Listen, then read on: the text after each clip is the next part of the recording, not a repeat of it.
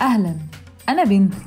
البودكاست ده عن عيلتي اللي عايشين واللي رحلوا من زمان واللي لسه بيحلموا. هو ده بقى اللي أنتوا محتاجين تعرفوه عن عبده. طيب قوي هادي بيحب المزيكا وعيلته هي حياته. عبده يبقى بابايا. دلوقتي هحكي لكم عنه.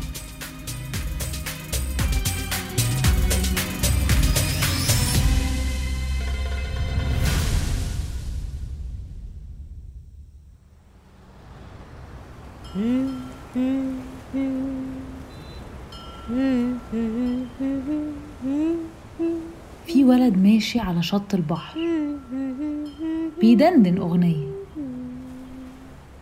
القلب والروح ده عبده.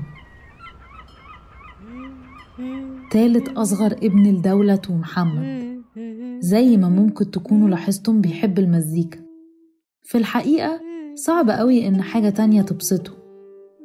بيقضي كل أوقات فراغه يسمع مزيكا.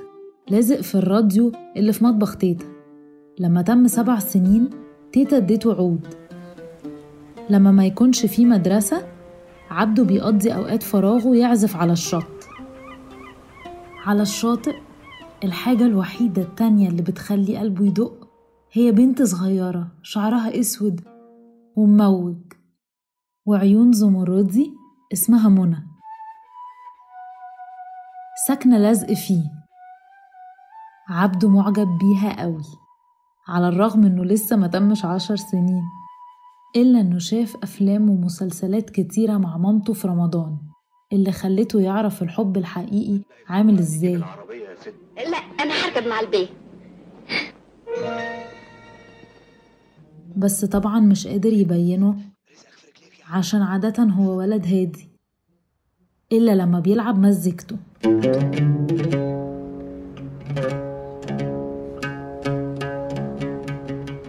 آخر الأسبوع بيعزف على العود على المصطبة وبيتمنى إنها تسمعه.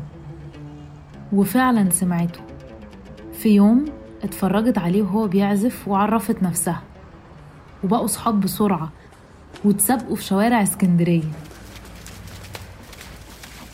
لحد ما رجليهم لمست الرملة والمية وهما بيضحكوا.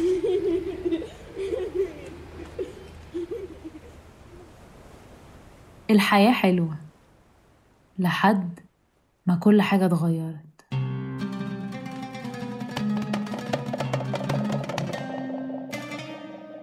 بابا مات. وتيتا اتسابت لوحدها بأربع عيال تاخد بالها منهم. عبده ما كانش قادر يشوف مامته تعبانة. على الرغم من إنها عمرها ما بتشتكي. دايما بيشوف قد إيه بتبذل مجهود في الشغل بس عشان تتأكد إنهم يلاقوا أكل على الترابيزة. فدلوقتي بدل ما يجري على البحر بعد المدرسة بقى يجري على البيت عشان يساعدها. ده كمان جاله فكرة إنه يلعب مزيكا للسياح.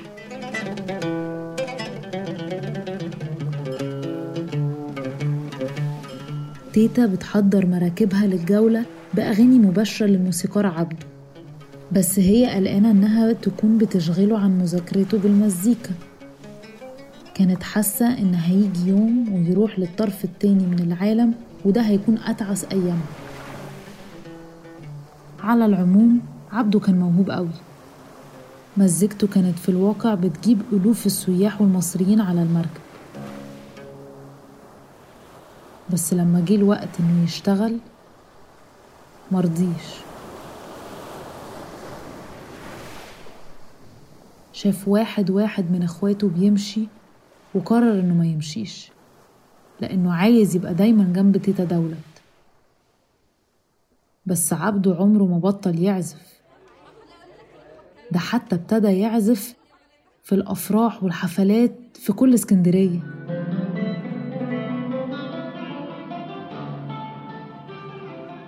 دلوقتي بقى شاب حليوة.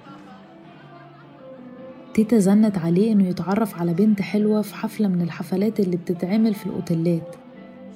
بس عبده مصمم على منى حب طفولته مش بيحب حد غيرها.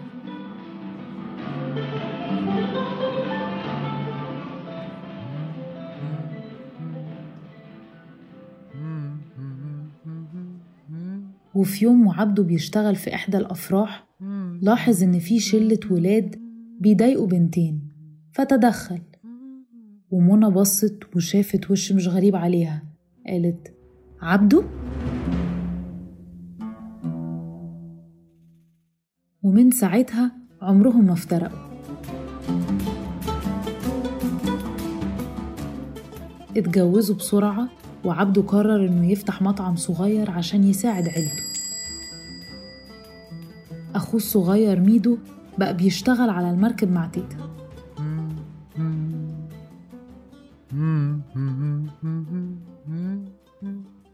عبده نسي كل حاجة بسبب الحياة وشغله ومراته.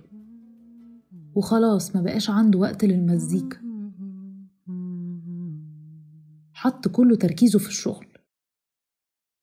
المطعم بقى رمز في الشارع زي كأنه هرم رابع. أي حاجة محتاجينها عبده هيساعدهم شريف كان بيجي هنا بعد وفاة مامته وباباه عشان محتاج دعم نفسي وشغلانة. ومن هنا كتير من قصصه عن مصر تطورت.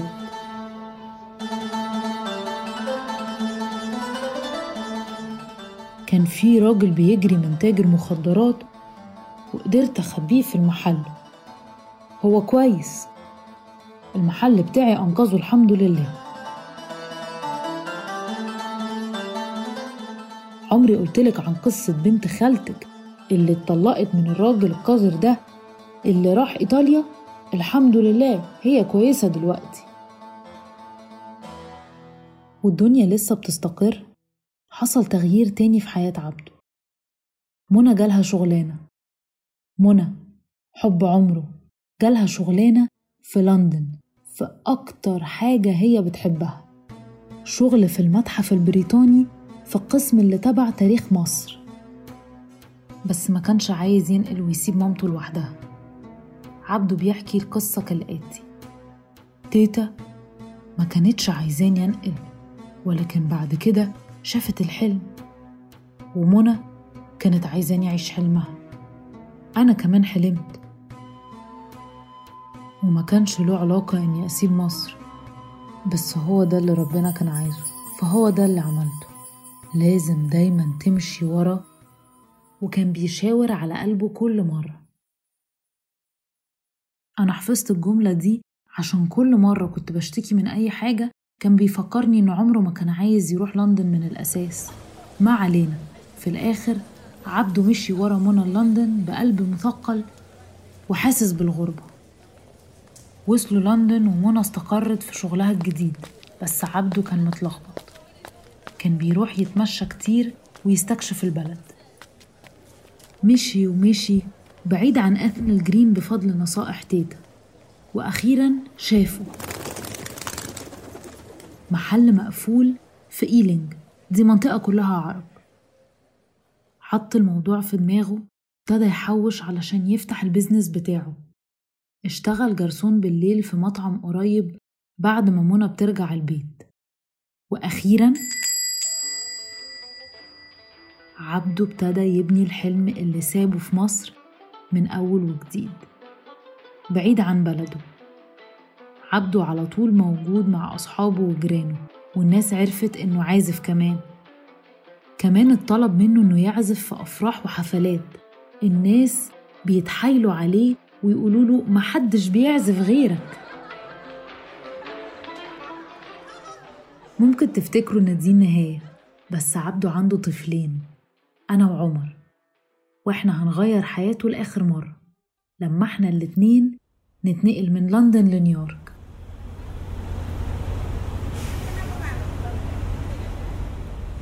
لما عمر استقر في حياته الجديدة في نيويورك افتكر عبده لما مشي من مصر وراح لندن وحس بالغربة. كلم عبده وعبده قال له يروح يتمشى. قال له هتشوف إن ناسنا وثقافتنا في كل حتة.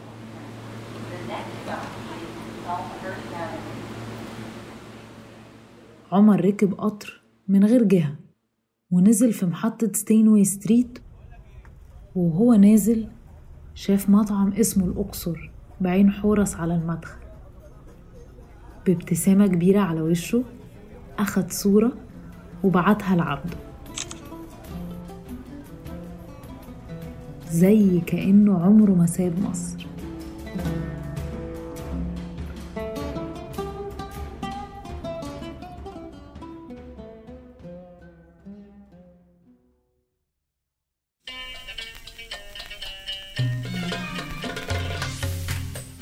البودكاست من إنتاج استوديو أوتشنتا قصة رنا عبد الحميد ومنى البغدادي. المخرج التقديري والمنتج التنفيذي لوري مارتينيز. منتج روائي أول مارو لومباردو. مساعد منتج زينب المكارم. المنتجين المشاركين ريبيكا سايدل وفادي سامي توسون. موسيقى التتر جابرييل دالماسو. محرر الصوت لويس راول لوبيز ليفاي ومارو لومباردو شكر خاص لساديا أزماتس وعاليا مورو لتقديمهم المشاورة بشأن التجربة العربية المصرية اللندنية. باللغة العربية قامت فريدة البطوطي بصوت ميخا مصمم الجرافيك الخاص بنا للموسم الحالي سيباستيان ماركيز. هذا البودكاست متاح باللغة الإنجليزية والأسبانية والعربية وتم إنتاج هذه النسخة العربية من البودكاست بالمشاركة مع صوت. الوصف الكامل على oshentastudio.com slash mija-podcast تابعونا على at mija podcast.